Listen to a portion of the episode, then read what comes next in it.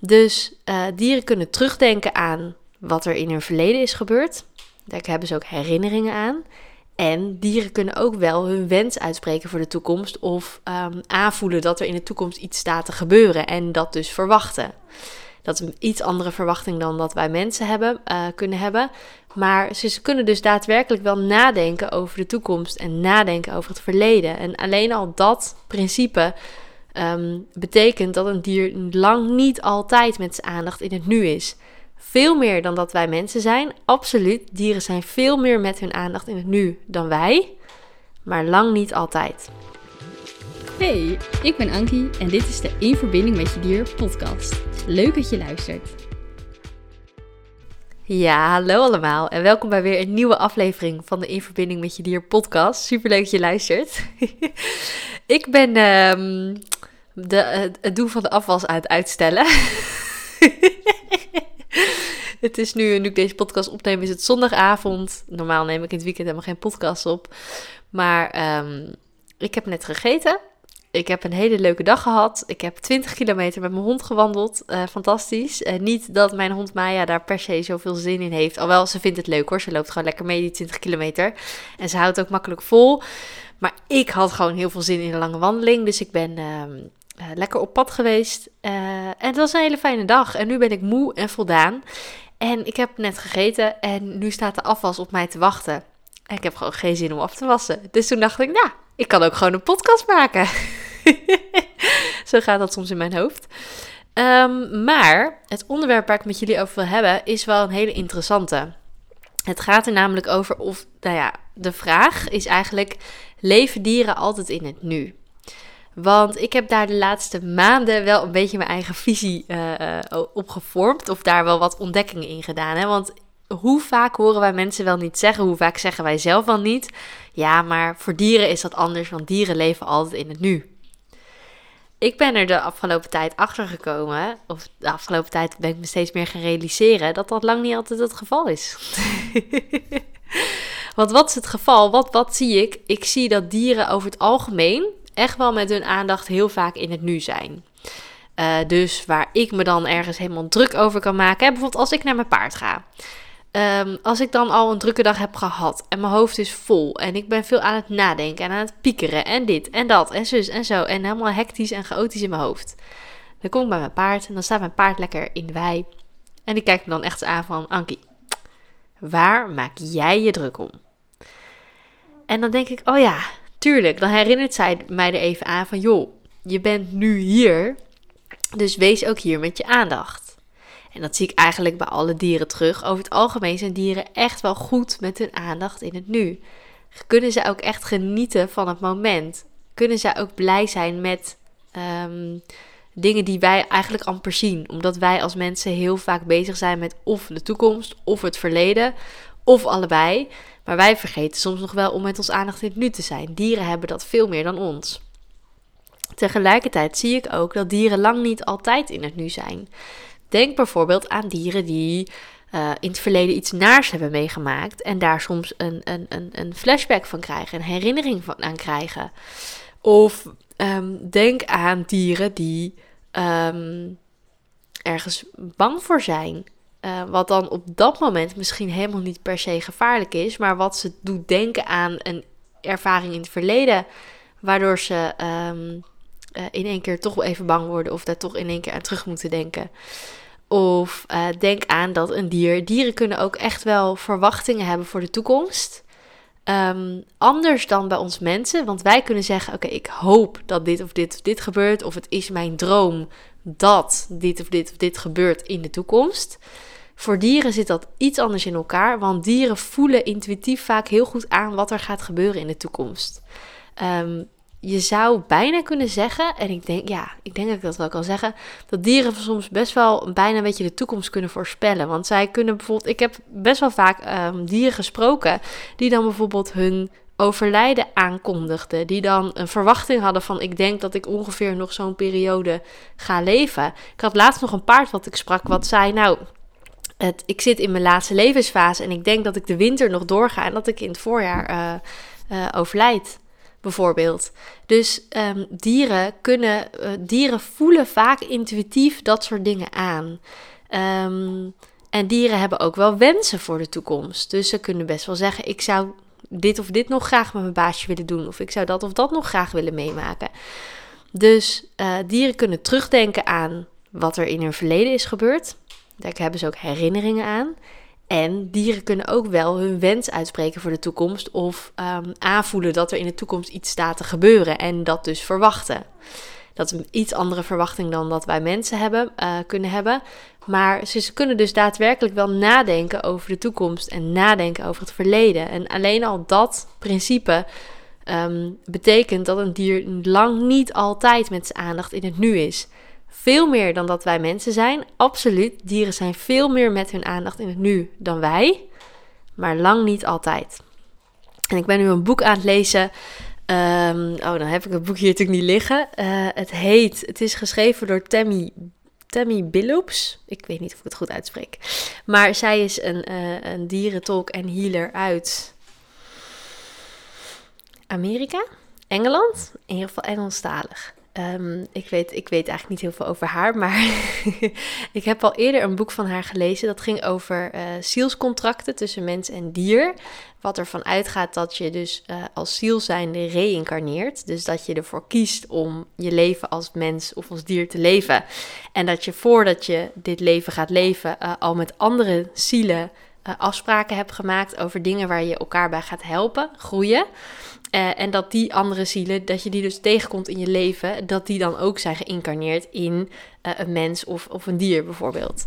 Um, ik heb dat met mijn hond Maya heel sterk. Maya is in een vorig leven ook al bij mij hond geweest. En ik was toen ook al mens, zeg maar. Dus in een vorig leven zijn we al samen geweest. Um, en toen hebben we wat dingen meegemaakt samen die we eigenlijk nu nog een beetje aan het verwerken zijn. Um, daar ben ik achter gekomen. Ik wist dat allemaal helemaal niet. Totdat Maya dat vertelde aan een andere dierentolk die met haar sprak. Dus ze vertelde het niet eens direct aan mij, maar aan een andere dierentolk. En toen is dat balletje gaan, rollen, gaan rollen. En daarna is dat boek op mijn pad gekomen en heb ik dat boek gelezen. En dat was een heel mooi boek. Uh, maar ze heeft ook nog een ander boek geschreven. En dat heet uh, Heel de Ziel. Wacht, nee. Ja, nou zit ik voor een computer, dus ik kan het even googlen. het gaat over um, heel de ziel van jezelf en van uh, je hond of je kat, enzovoort, enzovoort, enzovoort. Ja, dan ga ik het gewoon even opzoeken, jongens. Niet zo goed voorbereid. Oh, hier, hier staat het eerste boek waar ik net over vertelde. Dat heet Zielscontracten tussen mens en dier. En de boek wat ik nu lees is, uh, heet Heel je ziel en die van je hond, je kat of puntje, puntje, puntje. Verborgen sleutels tot een diepere verbinding tussen mens en dier. Nou, ik word daar ontzettend blij van. Want als, ik, als er één ding is waar ik zo blij van word, is het die verbinding tussen mens en dier. Het is mijn hele missie als dierencoach. Het is mijn levensmissie om mensen en dieren te verbinden.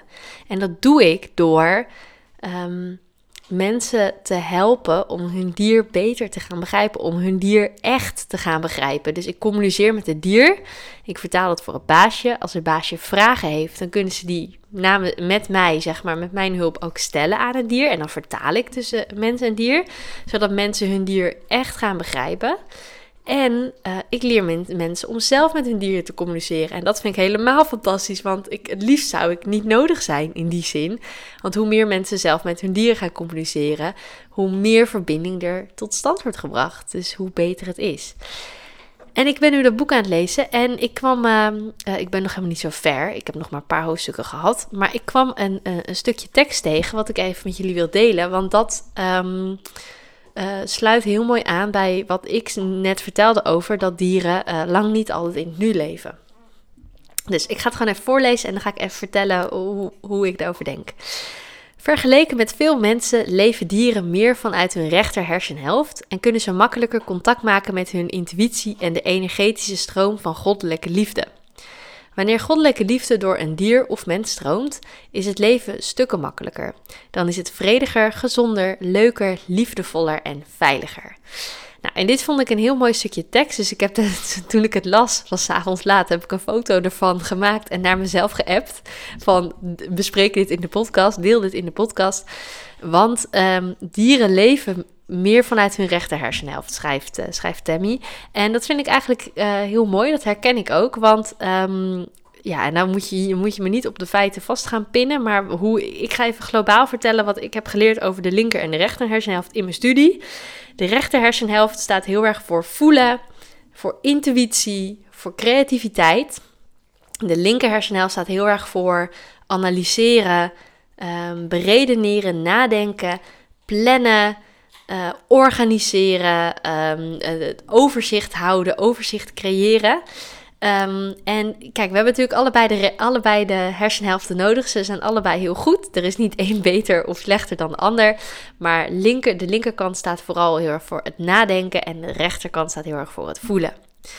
En dat verklaart denk ik wel een beetje waarom wij als mens zijnde denken dat dieren altijd in het nu leven. Want dieren zijn veel minder aan het nadenken en aan het organiseren en aan het uh, piekeren en aan het structureren, zoals wij dat wel kunnen doen. Dus bij ons overheerst denk ik over het algemeen de linker hersenhelft heel erg en bij dieren meer de rechter hersenhelft. En het mooie is dus omdat zij um, meer vanuit die rechter hersenhelft, rechter hersenhelft denken, kunnen ze dus makkelijker verbinding maken met die stroom van universele, onvoorwaardelijke liefde. Um, oh, mijn kat. mijn kat staat het mouwen. Misschien hoor je het op de achtergrond. Um, maar ik, ja, mijn kat leidt me even af. Maar goed, uh, focus Ankie, terug naar het onderwerp. Um, ja, ze kunnen dus makkelijker contact maken met die stroom van onvoorwaardelijke en universele liefde. Dat is de stroom. Die stroom liefde is wat door iedereen heen stroomt. Dat is wat we uiteindelijk allemaal zijn. Dat is wat er overblijft als we allemaal doodgaan. Um, en ik hoop dat het allemaal nog even duurt hoor. Maar weet je, als je doodgaat, je, je lichaam gaat dood. Je lichaam is een jasje die je uitdoet, maar je ziel blijft bestaan. En je ziel is die onvoorwaardelijke liefde. Dit is gewoon mijn, dit is mijn waarheid. Hè? Dit is hoe ik er naar kijk. Het betekent niet dat jij het er mee eens hoeft te zijn, maar dit is hoe ik er naar kijk. En um, ja, als je dus contact kunt maken met die, met, die, met die liefde, als je dat kunt voelen in jezelf, dan is het leven inderdaad een stuk makkelijker en een stuk vrediger, gezonder, leuker, liefdevoller en veiliger, zoals het wordt beschreven in het boek. Dat herken ik heel erg. Dus ik vind het een hele mooie verklaring dat dieren dus meer vanuit die rechter hersenhelft leven. Mensen misschien wat meer vanuit die linker hersenhelft overwe uh, overwegend. En dat daar dus um, het, het, het, het, verschil zit wat wij als mensen opmerken als dieren leven altijd in het nu. Dieren leven niet altijd in het nu, maar dieren zitten meer in die rechter hersenhelft en meer in die onvoorwaardelijke liefde. En omdat ze meer in verbinding staan met die onvoorwaardelijke liefde, zitten ze automatisch ook veel meer in het vertrouwen. Um, ik heb het in de vorige aflevering ook al verteld. Dat, dat we kunnen natuurlijk kiezen hoe we in het leven willen staan. Of in de aflevering daarvoor. In ieder geval recent in een van de laatste afleveringen ook hierover gehad. Wij kunnen kiezen als mens. Willen wij. Je kan twee dingen doen in het leven. Je kan leven vanuit liefde en leven vanuit angst. En het een is niet per se beter dan het ander. Ik denk dat leven vanuit liefde een stuk fijner voelt. Want leven vanuit angst, dat is ja, dan voel je ook zo bang. En dat vinden wij natuurlijk als mens zijn meestal niet een heel leuk gevoel. Maar er is de, de, het een is niet per se beter dan het ander. Um, angst is ook nodig. Want, of het contrast is ook nodig. Angst is nodig en liefde is nodig. Het contrast, het verschil moet er zijn. Want als er alleen maar liefde bestond, dan zouden we het niet opmerken. Want we zouden niks anders kennen dan dat.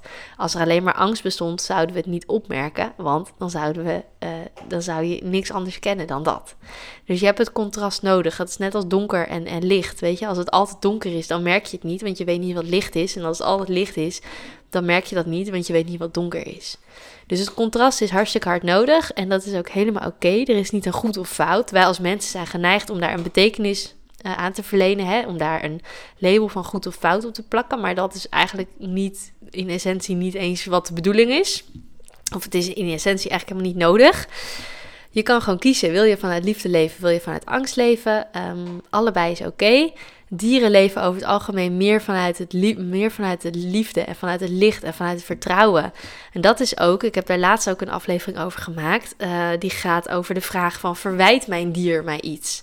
Dat is een vraag die veel baasjes uh, hun dier willen stellen. Of, of dat mensen zeggen van ja, ik heb fouten gemaakt met mijn dier, neemt mijn dier me dat kwalijk? Um, en toen vertelde ik ook al in die aflevering dat dieren uh, ons over het algemeen niks kwalijk nemen. En toen was er ook iemand die zei van ja, maar komt dat dan omdat dieren meer in het nu leven? Nou, gedeeltelijk wel, maar gedeeltelijk ook niet. Want ik heb ook heel veel dieren gesproken die in hun leven traumatische ervaringen mee hebben gemaakt. En die zich dat echt nog goed kunnen herinneren. En die ook zoiets hebben van, nou, ik vind uh, de persoon die mij toen slecht heeft behandeld, nou, die hoef ik op zich niet, niet meer te zien. Ik neem die persoon niet kwalijk, ik ben niet boos op die persoon, maar ik vond die ervaring wel heel erg naar. Ik vond het gedrag van die persoon toen heel erg naar. Dus ik hoef die persoon verder niet meer te zien. Of kijk, ik, ik, ga daar niet nog, uh, die hoeft mij niet gezellig nog een keer op te zoeken, bijvoorbeeld. Dat soort dingen heb ik wel besproken. Ik heb bijvoorbeeld ook wel eens met mijn eigen hond Maya uh, gehad over haar tijd dat zij als zwerfhond in uh, Servië leefde.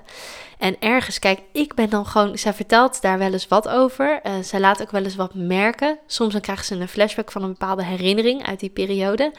Um, en um, ja, die vang ik dan op. Dus dan krijg ik ook beelden door van hoe het, hoe, het, hoe het daar was, hoe haar leven daar was. Daarbij komt ook dat de mensen die haar hebben gered uh, mij heel veel foto's en filmpjes hebben gestuurd en hebben laten zien van die periode. Van hoe zij daar leefde uh, als zwerfhond. Dus ik heb daar best wel een beeld van. Maar ergens ben ik ook wel een soort van nieuwsgierig. Ik zou daar ook wel gewoon eens heen willen om te kijken hoe, hoe ze daar heeft geleefd. Anderzijds weet ik niet of ik dat moet willen weten. maar ergens lijkt me dat ook wel mooi of zo om daar ooit een keer heen te gaan en, en dat te kunnen bekijken. Maar ik heb dus een hond die zoiets heeft van: no way, ik ga er echt niet heen. Ik wil dat niet. Het was, dat, was, dat was toen en nu is nu. Um, dus die daarin wel in het nu leeft en heel erg geniet van haar leven als huishond bij mij. Uh, maar die daar ook wel aan kan terugdenken en dat geen leuke tijd vond. Dus die heeft zoiets van: nee, daar wil ik niet naartoe. En nou, ik ben iemand, ik ga niet zonder mijn hond op vakantie. Dus ja, ik ga daar in ieder geval voorlopig niet naartoe. Maar um, ja, dat. Dus dieren leven overwegend in het nu. Maar eigenlijk leven ze nog veel meer in de rechter hersenhelft. Of leven ze nog veel meer vanuit die rechter hersenhelft. Um, en het leuke is dat uh, uh, ik, uh, toen ik in de puberteit zat, geloofde ik niet dat ik met dieren kon communiceren. Ik dacht dat ik dat zelf verzon. Ik dacht dat ik hele rijke fantasie had. En dat was de periode waarin ik heel erg in die linker hersenhelft zat. en eigenlijk heel weinig deed met mijn creativiteit en met die rechter hersenhelft. Want ik wou toen nog dierenarts worden en ik zat op de middelbare school. En ik was heel serieus, heel hard altijd aan het studeren en aan het leren. Nou is daar helemaal niks mis mee. Um, uiteindelijk ben ik geen dierenarts geworden omdat uh, scheikunde en wiskunde en natuurkunde, daar moest je goed in zijn. Ja, en dat is niet mijn ding, daar is mijn hoofd gewoon niet voor gemaakt.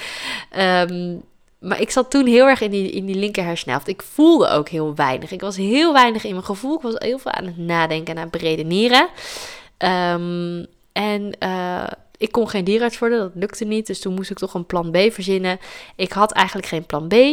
Uh, ik wist ook echt niet wat ik moest gaan studeren. Uiteindelijk ben ik uh, bij creatieve therapie terechtgekomen. Superleuke studie, die heb ik ook afgemaakt. Dat was echt een fantastische tijd. En tijdens die studie kwam ik dus weer heel erg opnieuw weer heel erg in contact met mijn creativiteit. En dat is precies waar die rechter hersenhelft zo goed voor is. En kwam ik dus ook veel meer in contact met die rechter hersenhelft. Daar ging ik eigenlijk veel meer mee doen. Die ging ik veel meer gebruiken. Daardoor kwam ik ook automatisch veel meer in verbinding met mijn gevoel en met mijn intuïtie. En op dat moment kwam het communiceren met dieren weer terug. Heb ik dat eigenlijk weer als het ware herontdekt. Uh, dus voor mij heeft het heel veel goeds gebracht om die rechter hersenhelft te stimuleren. Door heel veel creatieve uh, dingen te gaan doen en te gaan uitproberen en te gaan experimenteren. Dat was ook heel belangrijk onderdeel van mijn opleiding. Dat was letterlijk een vereiste. Wij kregen een lijst met materialen en je moest aan het eind van je studie met alle materialen een keer iets gedaan hebben. dus uh, ja, dat werd heel erg aangemoedigd. En dat heeft mij toen ook heel erg geholpen en heel veel goeds gedaan. Um, dus misschien is dat eigenlijk gelijk een leuke tip. Want ik, had, uh, ik ben eerder een keertje geïnterviewd uh, voor uh, de podcast van Amber van Ommeren. zij is ook de gast geweest in deze podcast. Maar zij is hondenopvoedkundige. En ik ben een paar maanden terug ben ik, mocht ik de, was ik de gast bij haar in de podcast. En hebben het gehad over communiceren met dieren. En ik weet nog dat zij mij toen ook vroeg van ja, oké, meer in verbinding zijn met je intuïtie. Want ik legde uit dat dat heel erg belangrijk is als je wil leren communiceren met dieren. En toen vroeg ze, maar hoe doen we dat? Hoe doe je dat dan? En toen zei ik, ja, ik weet niet meer wat ik toen heb gezegd. Ik geloof, um, ja, ik weet wel wat ik toen heb gezegd. Ik heb toen iets gezegd over, want dat was ook spontaan, hè, wat er toen in me opkwam. En daar sta ik nog steeds wel achter hoor. Uh, dat was uh, uh, bewegen en echt in mijn lichaam. Dus zeg maar, ik, ik, ik, voor mij is het heel belangrijk om dus te gaan bewegen, te gaan naar buiten te gaan. Nou, kijk naar wat ik vandaag heb gedaan met die 20 kilometer. Ehm, bewegen, want dan ga ik eigenlijk uit mijn hoofd, uit het denken. En dan kom ik meer met mijn aandacht in mijn lijf. En dan lukt het me ook makkelijker om alles te voelen uh, wat ik voel. Dus fysieke sensaties, maar ook emoties. En dan vanuit daar kan ik ook weer makkelijker contact maken met een dier. Dan kom ik, meer, kom ik ook weer meer in mijn gevoel, ook eigenlijk meer in die rechter hersenhelft. Uh, maar datzelfde heb ik dus ook met creatieve dingen. En het maakt niet uit wat. Dus mensen denken bij creativiteit aan uh, tekenen en, en, schilderen en kleien. Maar dat kan ook zijn zingen, dat kan ook zijn toneelspelen, dat kan ook zijn een maaltijd koken. Het kan ook zijn problemen um, oplossen. Dat heeft mijn vader bijvoorbeeld. Mijn vader die vindt van zichzelf dat hij totaal niet creatief is. Maar als er iemand goed is in problemen oplossen en in, in, in um, oplossingen bedenken, dan is hij het. En dan denk je, oh ja, bedenken, maar zit je in die linker hersenhelft? Ja, maar je hebt er ook heel veel creativiteit voor nodig om iets vanuit een andere hoek te bekijken. Dus creativiteit is veel meer dan uh, tekenen en schilderen. Creativiteit is ontzettend breed, heeft ontzettend veel uitingsvormen. Voor mij is bijvoorbeeld deze podcast is ook een hele grote uh, bron van creativiteit. Ik heb heel veel creativiteit nodig om dit te kunnen creëren. En ik word daar ontzettend blij van. En ik heb tijdens mijn studie heb ik heel veel getekend, geschilderd, gekleid. Weet ik wat allemaal, al die kunstzinnige dingen gedaan. Uh, en dat vind ik fantastisch. Maar ik merk uh, eigenlijk nu, sinds ik met mijn bedrijf bezig ben, dus dat is eigenlijk sinds twee jaar, dat ik daar veel minder mee bezig ben. Met alles wat ik toen tijdens mijn studie aan creatieve hobby's heb opgebouwd. Ben ik de afgelopen twee jaar eigenlijk veel minder mee bezig geweest. Uh, en ik dacht er later over na van ja, hoe kan dat eigenlijk? Toen dacht ik, oh ja, wacht even. Ik heb wel in twee jaar tijd een bedrijf opgezet. Um, uh, en een hele podcast gecreëerd. En weet ik wat allemaal nog meer. Heel veel dingen voor mijn bedrijf echt gecreëerd. Dus daar is al mijn creativiteit eigenlijk in gaan zitten. Um, dus ja, neemt niet weg dat ik al die kunstzinnige creatieve hobby's nog steeds wel af en toe oppak en nog steeds super leuk vind. Uh, en daar nog steeds heel veel energie van krijg en ook weer inspiratie van krijg. Juist door nieuwe dingen te creëren krijg ik ook weer inspiratie. Um, maar dat is wel een beetje uh, nou ja, hoe dat ook heel erg kan helpen. Dus juist als je denkt, als je dit hoort en je denkt, oh, maar ik wil eigenlijk ook net als de dieren wat meer vanuit die rechter hersenhelft leven, meer in verbinding komen met mijn gevoel, meer in verbinding komen met mijn intuïtie, dan is het dus heel mooi om um, uh, te gaan bewegen, lekker naar buiten te gaan, lekker in je lijf te komen en om dus dingen te gaan maken en je creativiteit uh, te uiten. Op wat voor manier dan ook, wat voor vorm dan ook. Alles is goed, daar kun je niks verkeerd in doen, want het is jouw manier, het is jouw creativiteit. Uh, maar als je daar wat mee kan doen, ja, dan kom je meer in die rechter hersenhelft en dan kom je dus ook meer in verbinding met je gevoel, met je intuïtie. Kom je meer in verbinding met jezelf. En dat is ontzettend belangrijk, want wil jij een verbinding kunnen maken met je dier, dan moet je eerst kunnen verbinden met jezelf. Dat is wel echt vereist. En met jezelf bedoel ik dan dus met je ziel. Um, ja, dat. ik geloof dat ik, uh, dat ik kan stoppen. Dat ik alles heb gezegd wat ik wou zeggen. Dit was redelijk to the point. Af en toe dan, dan hoor je mij gewoon in deze podcast. In, als je dit, de podcast al langer luistert, dan weet je dat. Af en toe dan raak ik gewoon even de draad kwijt. Maar um, ergens vind ik hem altijd wel weer terug. Maar af en toe hoor je mij dan even zeggen van... Oh ja, uh, wat was het onderwerp ook weer? Oh, wat wou ik ook weer zeggen? Maar het was redelijk to the point. Alleen Mies, mijn kat, uh, leidde me even af. Goed, ik ga stoppen. Um, ik hoop dat je hier wat aan hebt, dat je hier wat mee kunt. Ik hoop dat deze aflevering je weer heeft mogen inspireren. Um, deel hem ook gerust met iemand anders. Als je denkt van, hé, hey, ik ken iemand die hier wat aan heeft. Stuur hem lekker door. En laat me even weten wat je van de podcast vindt. Wat je van deze aflevering vindt. Want dat vind ik heel leuk om te horen. En dan dank ik je voor het luisteren. En uh, tot de volgende keer. Leuk dat je hebt geluisterd naar de In Verbinding met Je Dier podcast. Vond je nou interessant? Deel hem dan vooral met anderen en laat mij weten wat je ervan vond. Wil je nou meer inspiratie en tips ontvangen? Volg me dan ook op Instagram, dierencoachankie. Tot de volgende!